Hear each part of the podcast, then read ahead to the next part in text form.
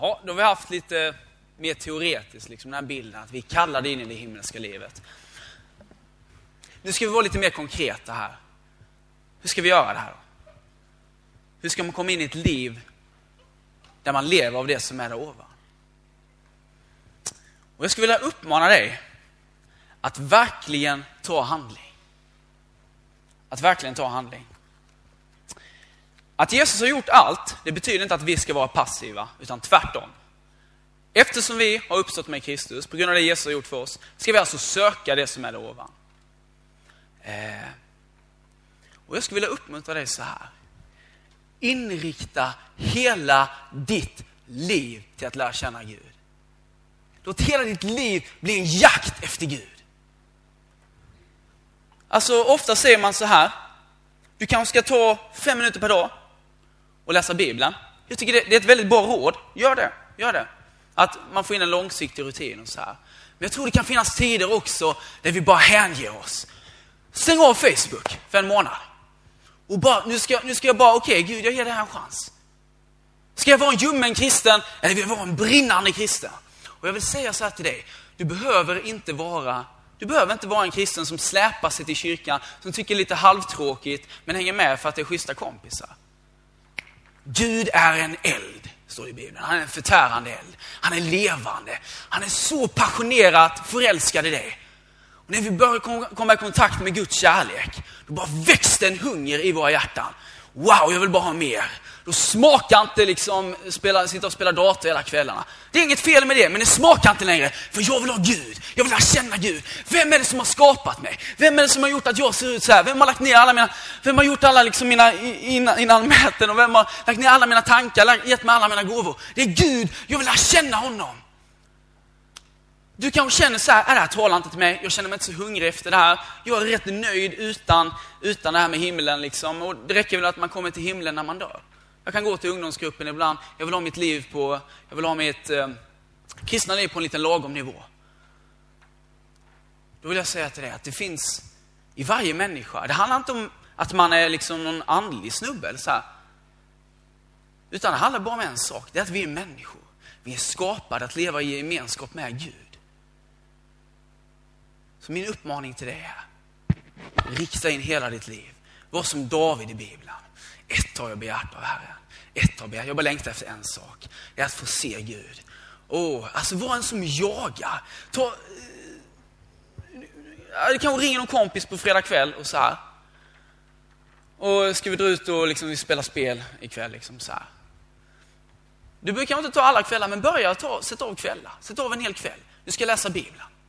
Jag vill söka Gud. Gå på alla bönemöten du kan. Se vad det, alltså du har ju blivit frälst människa. Se vad detta är för något.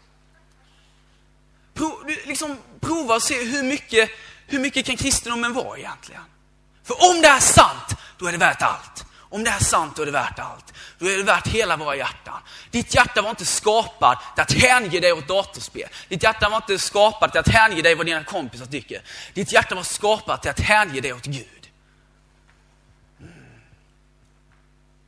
Börja ge Gud en chans. Eh, ge Gud en chans och väck den här längtan i dig. Alltså det står senare så här, nu läser jag vers, vers 16. Det, det kommer en massa uppmaningar här som är en följd liksom på att vi ska söka det som är ovan. I vers 16 står det så här, en mening. Låt Kristi ord riktigt bo, bo hos er med all sin vishet. Låt Kristi ord riktigt bo hos er med all sin vishet. Det står inte låt Kristi ord bo lite grann hos er med all sin vishet. Det står inte låt Bibeln vara någonting du läser ibland som du, liksom, du egentligen inte bryr dig så mycket om. Du läser kanske Bibeln någon gång och sen spelar du datorspel tio timmar om dagen eller kollar på film tio timmar om dagen. Ja, det gör väl ingen i och för sig. Men ni fattar vad jag menar. Låt inte Bibeln vara någonting som, som du dammar av någon gång, någon, någon gång då och då. Och det funkar faktiskt så här att liksom det här vårt sinne är ju inriktat på det jordiska. Vi har liksom fastnat i jordiska saker. Att liksom, eh, alla mina intressen och sånt här och kompisar och vad kompisar tycker och, och kanske eh, osunda vanor. Vi har fastnat i det. Och det här hindrar oss. Det håller oss liksom, det håller oss tillbaka från att söka det himmelska. Eh, så därför behöver vi göra så här, att vi helt enkelt bara tar ett, vi tar ett medvetet val. Nej, Nu, nu får du fråga dig själv, vill du vara en hängiven efterföljare till Jesus? För om du vill vara det, om du vill vara en brinnande Kristus, om du vill vara en brinnande kristen, så finns det där för dig. Eh, och jag kan säga så här, det finns inget underbarare. Det finns inget underbarare än Guds närvaro. När man börjar se, när liksom ens inre ögon börjar öppnas, när man börjar se honom, se vem han är, se hur god han är, se hur mycket han älskar oss. Alltså det är så underbart. Asaf säger i Psaltaren 73, vem har jag i himlen utom dig? Och när jag har dig, då frågar jag inte efter något på jorden. Jag frågar inte efter någonting på jorden. Det är ingenting som hägar längre här på jorden. Jag vill bara ha Gud, jag vill se Gud, jag vill lära känna honom. Eh, och sen, sen, sen så här att, att vara i Guds närhet, det är lycka för mig. Vad är din lycka i ditt liv? Du kan fundera på det. Vad är, din, vad är det som gör dig lycklig i ditt liv? Du kan, få, du kan ha ett kristet liv där det är Gud som gör dig lycklig. Där du har en lycka som är oberoende av omständigheter. Där du måndag morgon, du ställer klockan en halvtimme tidigare. För jag vill gå upp och vara med Herren. Och på något sätt, varför Gud kunde bara gjort det så att vi Alltså han kunde gjort så att vi bara, pang, har vi allt det här. Vi har allt i himlen. Ska vi ha den här relationen med Gud, bara gratis direkt allting. Och det är gratis, det är, himlen är öppen för oss. Det, det här är verkligen bara av nåd. Men det finns det här momentet, och det vill säga att vi är kallade att söka. Gud förväntar sig av dig. Alltså, ditt kristna liv kommer inte ske på automatik. Gud förväntar sig på dig att du ska göra val. Som gör att, att du växer i din vandring med Gud. Det valet kan vara att du, det finns något som heter fasta. Nu är många kanske inte i ålder till att fasta så mycket från mat och så här. Men eh, man kan fasta från annat. Om du har någonting, jag märker, till exempel du spelar väldigt mycket datorspel, jag tror det är framförallt killar eh, det gäller. Eller du sitter väldigt mycket på Facebook, du sitter och chattar, du sitter på internet eller något sånt där. Du märker att det här tar väldigt mycket tid av mitt fokus. Det, alltså, det här tar väldigt mycket av mitt fokus och min tid och det, det hindrar mig i min vandring med Gud. Då kan du göra så här att du tar, tar några veckor och säger, okej okay, jag ska inte göra det här. Den tiden jag skulle lagt på det här, istället för att man känner att du går till datorn bara rent slumpmässigt. Gör Bibeln till din dator så att säga. Gör Bibeln till ditt Facebook. Jag hade en sån period i mitt liv då jag typ alltid läste Bibeln. Det var några, det var några månader specifikt efter gymnasiet. Sen har jag haft, jag har haft mer sådana tider, det får jag säga. Men, men sådana tider är underbara. När man alltid läser Bibeln. Man på bussen, man läser Bibeln. Och, så här, och sen så, man sitter på toaletten när man läser Bibeln. Eh, och eh, alltså varje ledig stund. Istället för att bara ta upp iPhonen och kolla, liksom, ta upp datorn och kolla. Ta upp Bibeln. Wow. Levande ord från Gud. Datorn, vad gör det? Efter några timmar känner man sig lite sunkig. Är det inte så? Ah, det här gav ingenting egentligen, men jag kunde inte låta bli. Det var så kul och intressant att se vad som hänt på wallen på Facebook. Men eh, Guds ord, vad, händer, vad, vad är det som händer när vi läser Bibeln? Vi kanske inte känner för det från början. Men när vi börjar läsa Bibeln, vad händer då? Jo, det börjar förvandla oss. Det förvandlar oss, det gör oss mer lika Jesus. Det står att Guds ord är skarpare än något tveeggat svärd. Det skär igenom människan. Det skär igenom ande och själ. Det är en domare över hjärtats uppsåt och tankar. Det frigör dig, det gör dig fri, det gör dig glad, det ger dig något verkligt, något som består. När domedagen kommer, när Jesus kommer med himmelens skyar, vad har du då investerat ditt liv i? Jesus kommer komma tillbaka. Det står, att, det står i vers 4 att vi ska träda fram tillsammans med honom i härlighet. När han träder fram. Jesus kommer bli synlig för hela världen. Vad har du då investerat ditt liv i? Tänk på den dagen. Lev i väntan på den dagen. Och tänk så här, hur skulle jag levt om jag fick stå på domedagen och titta tillbaka på mitt liv? Hur skulle jag levt? Vilka val skulle jag gjort? Tänk så. Tänk så varje dag om ditt liv. Det är så allvarligt det är. Men det finns en enorm glädje. Det finns en enorm frihet.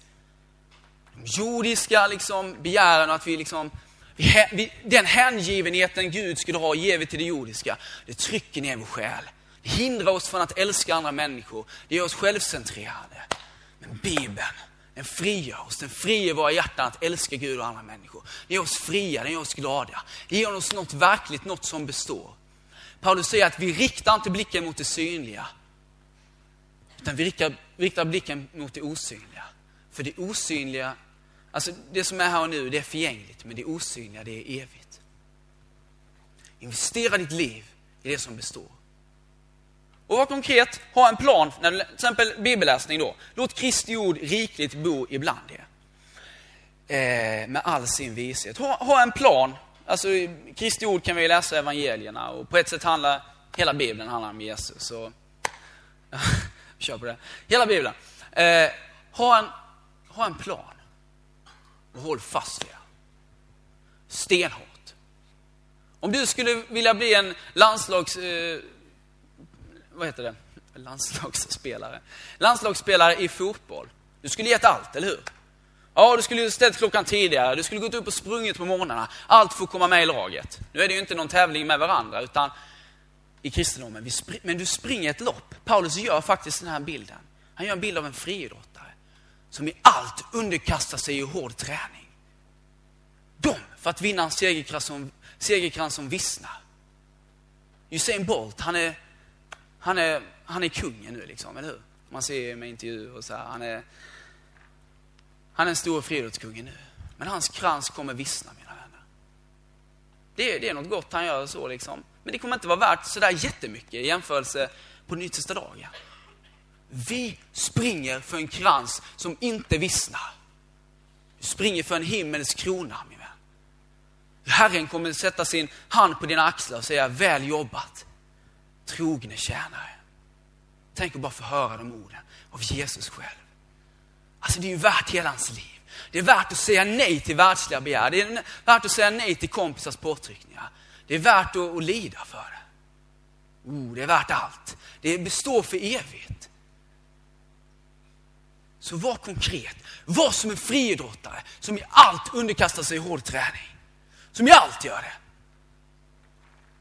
Under gymnasiet så hade jag en, en bibelläsningsplan. Det gick ut på att jag skulle läsa några kapitel i Bibeln varje dag. Det var någon sån, typ Bibeln på ett år, något sånt. Och jag vet inte, alltså det var, jag kan inte säga att det var, jag är inte en disciplinerad person, det var inte det. Men jag, det blev en fix idé med liksom, jag ska göra det här. Så att, eh, så jag började med, jag vill inte ta någon cred själv, jag fattar inte varför jag, det är inte likt mig menar eh, Men, men det kan vara på läger, så hade alla släckt lampan och gått och lagt sig. Jag gick ut med min bibel och satte mig på toaletten. Jag skulle ju läsa min bibel. Så får man tänka om man ska vara med i landslaget. Det är inte alltid kul om eh, när, fri, när en friidrottare liksom ska ha det här träningspasset klockan sju på morgonen. Det är inte alltid jättekul. Men de gör det för de har ett mål i sikte. De har en vision. De lever med fokus på någonting. Och vi mina vänner, vi lever på, med fokus på himlen. Fatta himlen. En evig värld, evig glädje. Evig, alltså, vi ska regera med Kristus i oändliga tidsåldrar. Du kommer vara hans följeslagare för evigt. Du kommer vara Kristi vän för evigt. Alltså fattar du vad det är? Fattar du vilket hopp vi har? Helt otroligt. Helt otroligt. Om de nu ger allt för att vinna något jordiskt, skulle inte du då ge allt för att vinna himlen?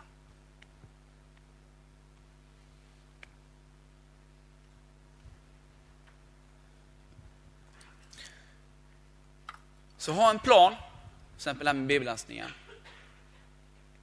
Och var stenhård. Mm. Ja, det här är viktiga grejer alltså.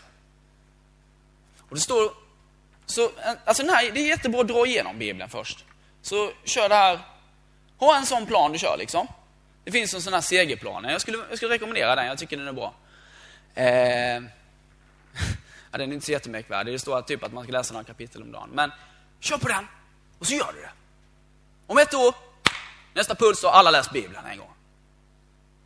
Vi kanske skulle ha något sånt här att man får göra en överlåtelse till det här. Vad tror ni om det?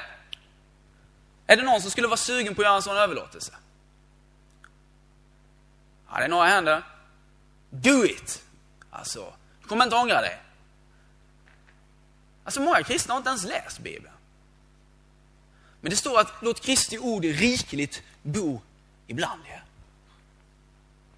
Och eh, det, här, det här talas ju inte bara enskilt, utan det är en gemenskap. Va? Och jag funderar på det här, om du skulle ta och lyssna någon kväll när ni träffas några kompisar, vad är det ni snackar om egentligen? Är det så att Kristi ord bor rikligt hos er? Min upplevelse är ofta så här, när man träffas vänner, att det är absolut inte Kristi ord man, snackar om. Jo, det kan vara det lite grann ibland, men i många sammanhang har det varit så här. Man snackar på hela kvällen om allt annat och sen så ska man be. Och då ber man tio minuter och sen är plötsligt människor väldigt trötta. Nu måste jag gå hem. Och så här. De kunde utan problem snacka flera timmar. Men när det ska till att be, ja då ska man gå hem. Men, och det är så, oh, vi, kan lätt, vi kan lätt se på några filmer en kväll, liksom. det är inga problem. Men be några timmar, det kan vi inte. Alltså, det vi behöver, vi, vi, behöver, vi behöver en revolution. Vi behöver en, vi behöver en revolution bland ungdomar i vårt land. En kristen revolution. Där du hänger hela ditt liv till att lära känna Gud. Så när ni börjar fylla er, här med när ni börjar fylla ert liv, läs evangelierna. Fyll er med Kristi ord. Då kommer Jesus, Jesus bli levande för er. Han blir verklig. Gemenskap med Jesus. Ni börjar höra, höra hans röst. När ni gör detta, då kommer det påverka hur ni umgås tillsammans. Om ni har suttit och kollat på YouTube-klipp hela dagen och sen samlas, vad är det man snackar om? Ja, det är klart man snackar om det. Har du sett det där senaste klippet? Ja, det, det, är kul va? Alltså, jag kollar också en del på YouTube. Men, men tänk om vi istället gör så här. Att vi investerar hela våra liv. Att jag, jag vill lära känna Kristus. Och kraften från hans uppståndelse, som Paulus säger. Fyll ditt liv med Guds ord. Det är en liten trappa, liksom först upp att komma in i den, tröskel. Men när du kommer in i det, då vänder det. Och i perioder kan du, bara, kan du enbart vara driven av din hunger. Så att varje ledig stund, jag har varit med om, jag har haft perioder så, varje ledig stund och jag vill bara vara med Jesus. Varje ledig stund, jag vill bara läsa Bibeln. Det växer en hunger som är starkare än hungern efter mat, som är starkare än hungern efter något jordiskt. Den hungern kan väckas i ditt hjärta. Passion för Gud. Eh, så börja komma in i det här liksom. Börja ge en chans för Guds ord att verka på ditt hjärta. Bara knacka upp liksom. Det här hårda, jag, vill, jag, jag bryr mig inte om himlen. Eller, ja, klart att man bryr sig, man vill till himlen men eh, vad är det, alla vill till himlen. Men, ja, skitsamma. Eh, Gud börjar knacka på ditt, Guds ord bara banka som en hammare. Upp ditt hjärta så det bara öppnas, blir levande. Du börjar höra Gud, höra Guds röst. Eh, så, så börja ge Gud en chans. Liksom. Det är bra med en sån plan då. Först en grundläggande plan där du, eh, där du läser igenom Bibeln. Skriv, stryk under det du tycker, det som talar till dig. Det är ett bra sätt faktiskt. Du kan ha en anteckningsbok bredvid där du skriver ner frågor. Det här förstod jag inte. Vad väckte det funderingar? Och hur kan jag applicera detta i mitt liv? Hur, hur, kan, jag, hur kan jag göra detta? Hur, hur kan jag liksom leva ut detta idag? Var konkret med det här. Och sen kan du ha det här också att du, lite mer spontant, varje ledig stund. Ta upp och, Saltaren är perfekt i det. Läs Psaltarpsalmen morgon och kväll. Liksom. När du kommer hem från skolan, läs någon Psaltarpsalm. Börja fylla ditt liv med det här. Och det kommer förvandla dig fullständigt. Det finns ingen som blir besviken. Sök och du ska finna, be och du ska få, säger Herren. Bulta, så ska dörren öppnas kommer inte bli besviken. Den som söker det som är där ovan kommer också finna det som är där ovan. Du kommer inte bli besviken. Vill du ha den här relationen med Gud så kommer du finna den. Men det är ett moment av det här att vi får kriga lite, vi får kämpa för det. För det ställer sig, om, om, om det är nu så att vi får kämpa för det här lite, så ställs det på sin spets. Vill jag verkligen ha dig Jesus? Vill jag ha dig Herre? Alltså Gud, Gud liksom det är klart att Gud Gud, det står att hans ögon överför jorden för att se om det finns någon människa, något hjärta som vill hänge sig. Gud letar efter en människa som vill hänge sig. Är du kanske här idag? Den personen som vill hänge sig till Gud. Jag tror, jag tror många av er vill det. Men det handlar mycket om att förändra vårt tänkande. Vi tittar lätt på andra och tänker att ja, men min kompis läser inte Bibeln så mycket. Min kompis ber inte så mycket. Min kompis söker inte Gud så mycket. Eller det är ingen som gör det så mycket. Varför skulle jag göra det? Var inte någon som går efter temperaturen, känner av temperaturen och gör likadant. Var en som sätter temperaturen. Så för, du kan förvandla en hel ungdomsgrupp. Inte, du behöver inte liksom stå upp och snacka, utan bara genom ditt sätt att leva.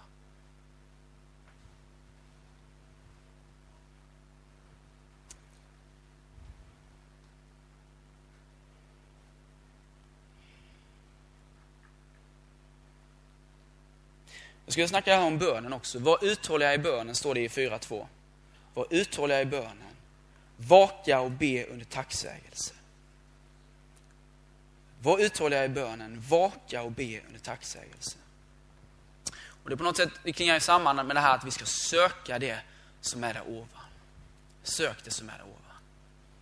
Jag vill bara komma tillbaka till det lite, att var uthållig i bönen. Lär dig att be. Det bästa sättet att lära sig att be, det är att komma tillsammans med andra kristna och bara köra. Alltså. Ni ber, ni provar på och så bara ber man. Och till sist, man kommer in i det.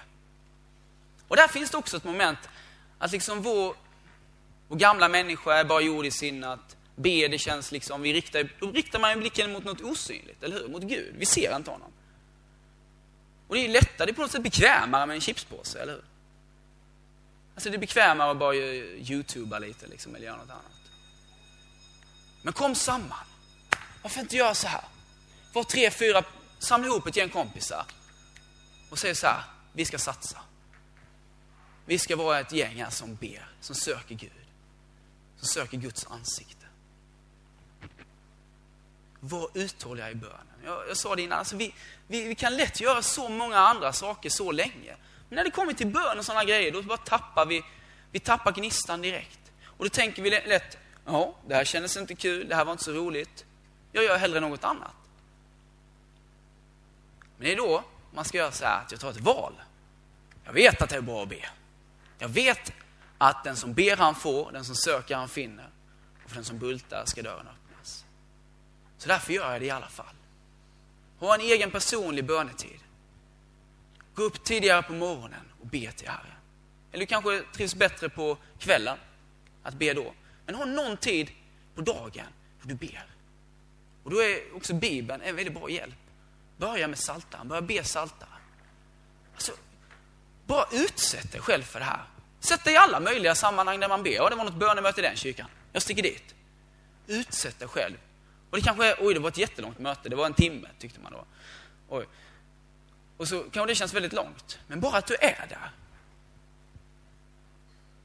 Det börjar nöta liksom. Och det här är ju som inte vill söka Gud.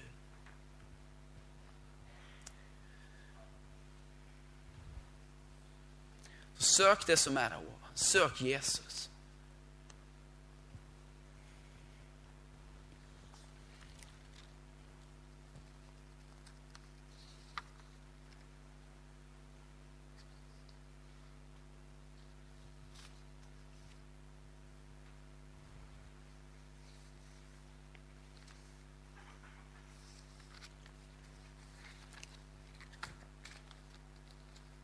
Och var konkret med det här.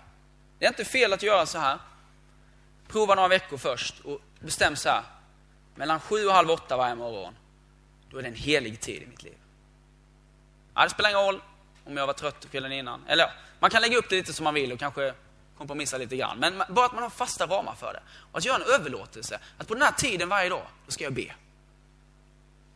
Och då är det en tid du bara sitter där, kanske. Liksom även om du, du kanske tycker det är långtråkigt, så bara gör det. Det här kommer börja nöta. Det nöter på vår gamla människa. Vad som händer är att vår nya människa börjar komma fram.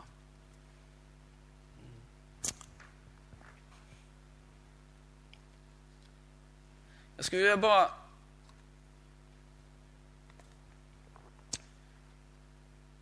Jag skulle avsluta med att berätta om en man i Gamla Testamentet. En ung man som hette Josua. Och då i Andra Mosebok 33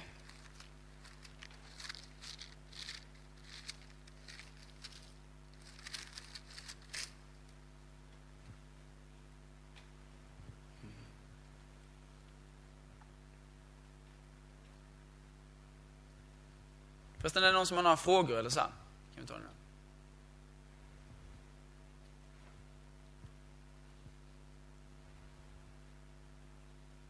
Jag finns här under dagen, så är det någon som vill fråga om något. Så.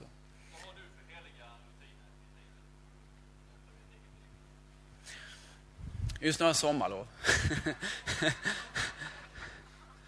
eh, ja, jag tycker det är väldigt svårt själv. Men de tider jag har haft eh, sådana här vanor liksom. Så eh, ja, det, det, är det, bästa, det är det bästa som har hänt mig, verkligen. Alltså, det är så enormt fruktbärande. Eh, ja, jag, tycker själv det är en jättestor utmaning.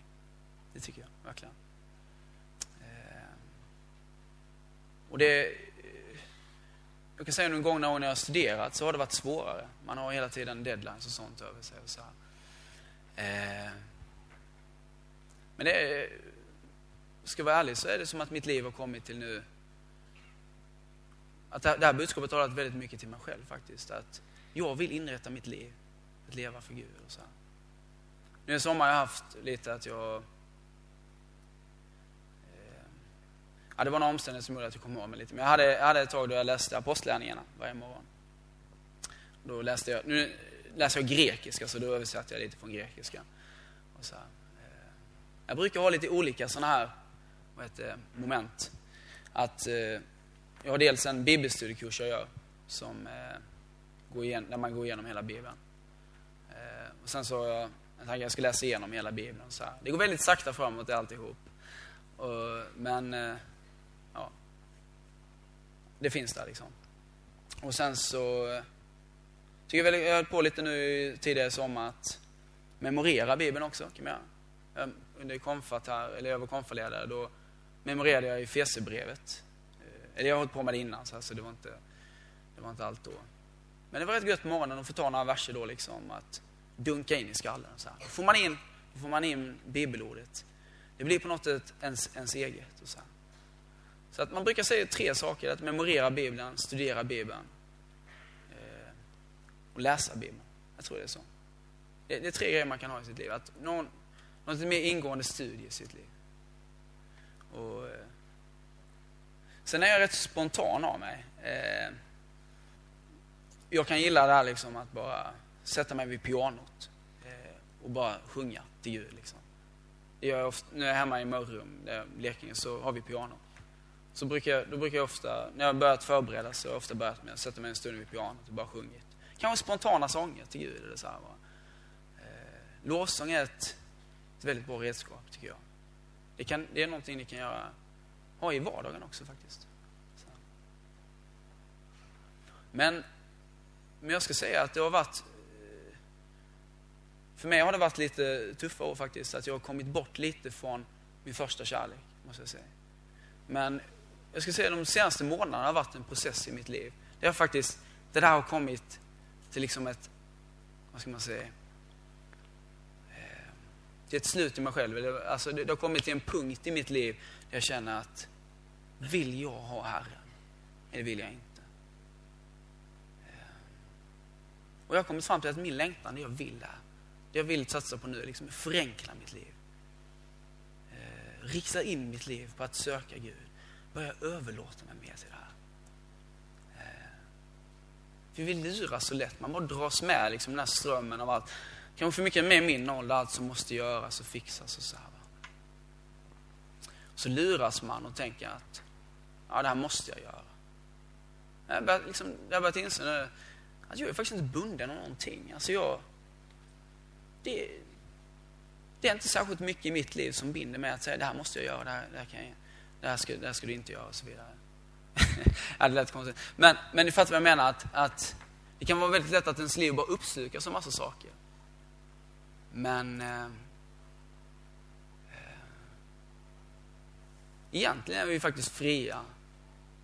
Visst, vi har skolan och man har utbildning och sånt där, men i väldigt mycket är vi ändå fria att inspirera vårt liv som vi vill, eller hur? Särskilt i vår tid. Alltså, vi är inte slavarbetare. Vi behöver inte jobba 14 timmar om dagen. Vi har en väldig möjlighet faktiskt.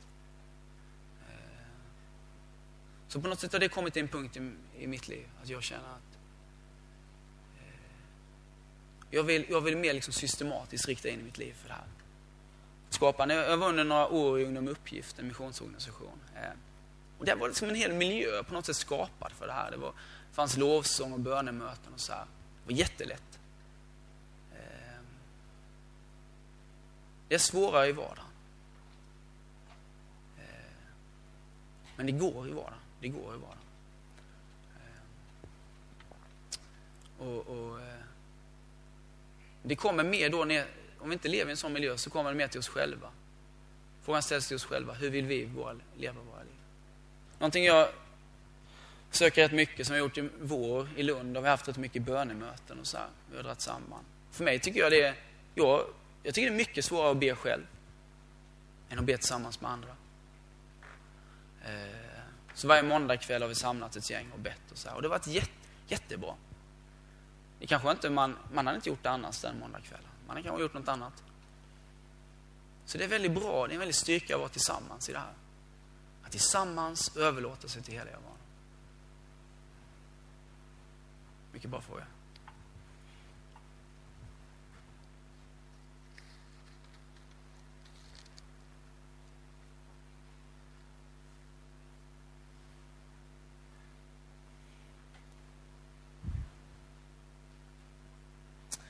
Jag bara ska säga någonting med lovsång först. Det stod där i Kolosserbrevet.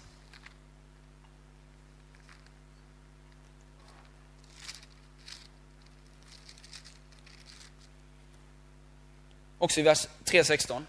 Det är lätt att komma ihåg 3.16, Kolosserbrevet 3.16. Undervisa och förmana varandra med salmer, hymner och andliga sånger och sjung med tacksamhet Guds lov i era hjärtan. Så undervisa och förmana varandra med salmer, hymner och andliga sånger och sjung med tacksamhet Guds lov i era hjärtan. Alltså, visst är det gött med lovsångsmöten här på, eh, på Puls, eller ja. Och... Eh, när man är på Puls så känns det ju rätt gött, eller hur? Det kristna livet är rätt enkelt. Eh, men det här med lovsång, det är någonting ni kan ha hemma också. Och min erfarenhet är ofta lo längre lovsångsstunder. Eh, då, då kan liksom Gud gripa tag i mitt hjärta på ett annat sätt. Eh, kom samman några, några vänner. Sjung lovsång en hel kväll. Ni kan ju massa sånger. Det finns säkert någon som kan spela gitarr. Det är också en miljö där Guds ande kan verka på vårt hjärta. Där vi förvandlas. Ha lovsången som ett personligt redskap liksom, i ditt liv.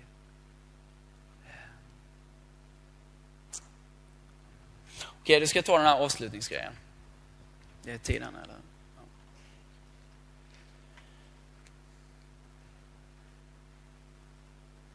Andra Mosebok 33.7. Mose tog tältet, står det så här. Mose tog tältet och slog upp det utanför lägret, långt ifrån lägret. Han kallade det uppenbarelsetältet.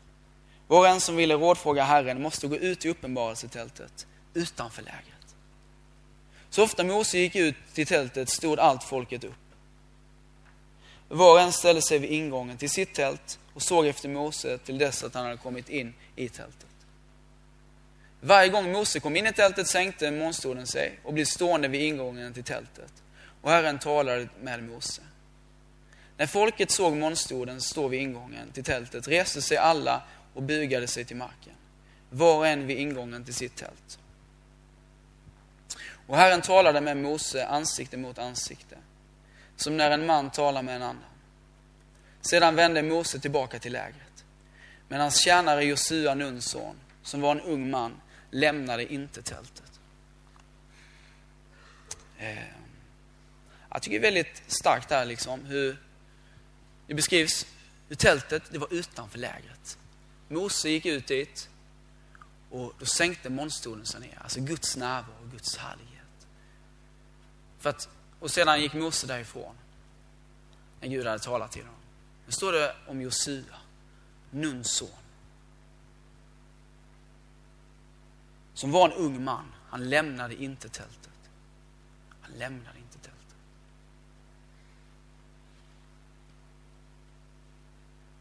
Tänk om din ungdomstid kan få vara en sån tid. Att du är en Josua som inte lämnar Guds närvaro.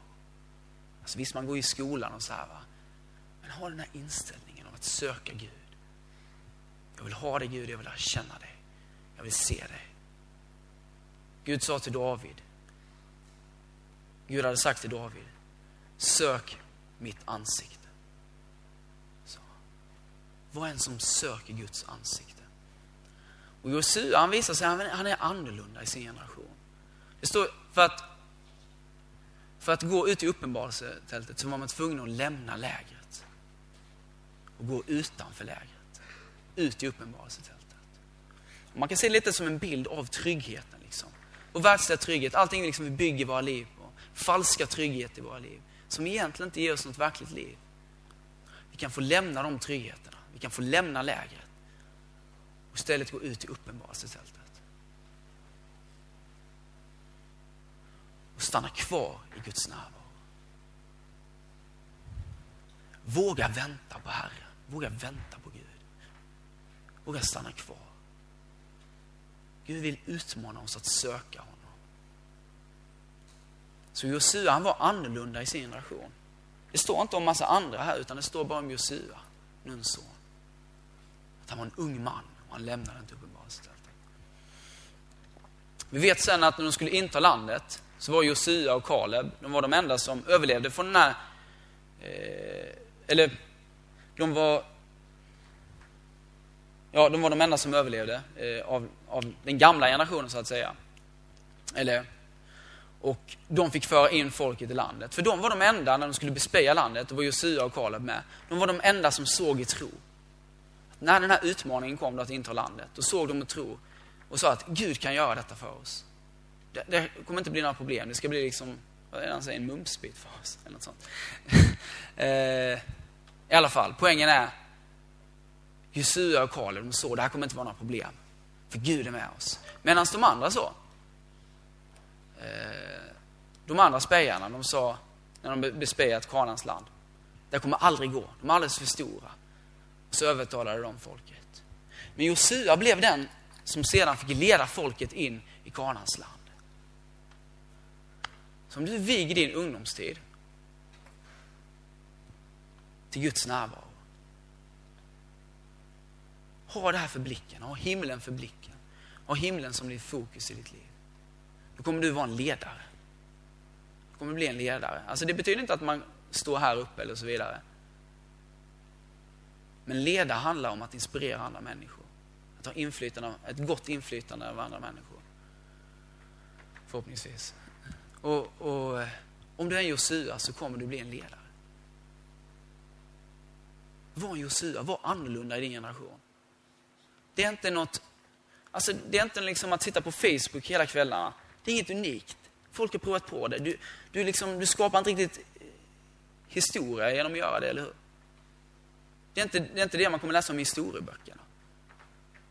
Jakob, han satt och läste Facebook hela kvällen. han är pappa, så det gör han absolut inte. Eh, man läser de som vågade gå mot strömmen. Det är de som står om i historieböckerna. Var en Josua, var annorlunda generation. Våga gå utanför lägret, våga gå mot strömmen. Våga, våga att inte vara som alla andra. Det gäller både dina icke-kristna kompisar, det kan vara ett stort grupptryck. Våga vara annorlunda där. Men våga också vara annorlunda i din kristna ungdomsgrupp. Eh. Titta inte på den standarden och tänk, ja, så här, så här ska det vara. Utan ja, var en, som, var en person som personligen söker Gud.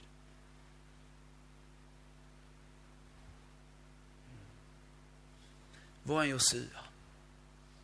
Det vill jag uppmana dig till. Tänk om alla när jag är inne skulle välja det, livsvalet. Det kommer inte alltid vara lätt, det kommer vara mycket motstånd och svårigheter kanske. Men tänk om alla när jag är inne valde att göra det.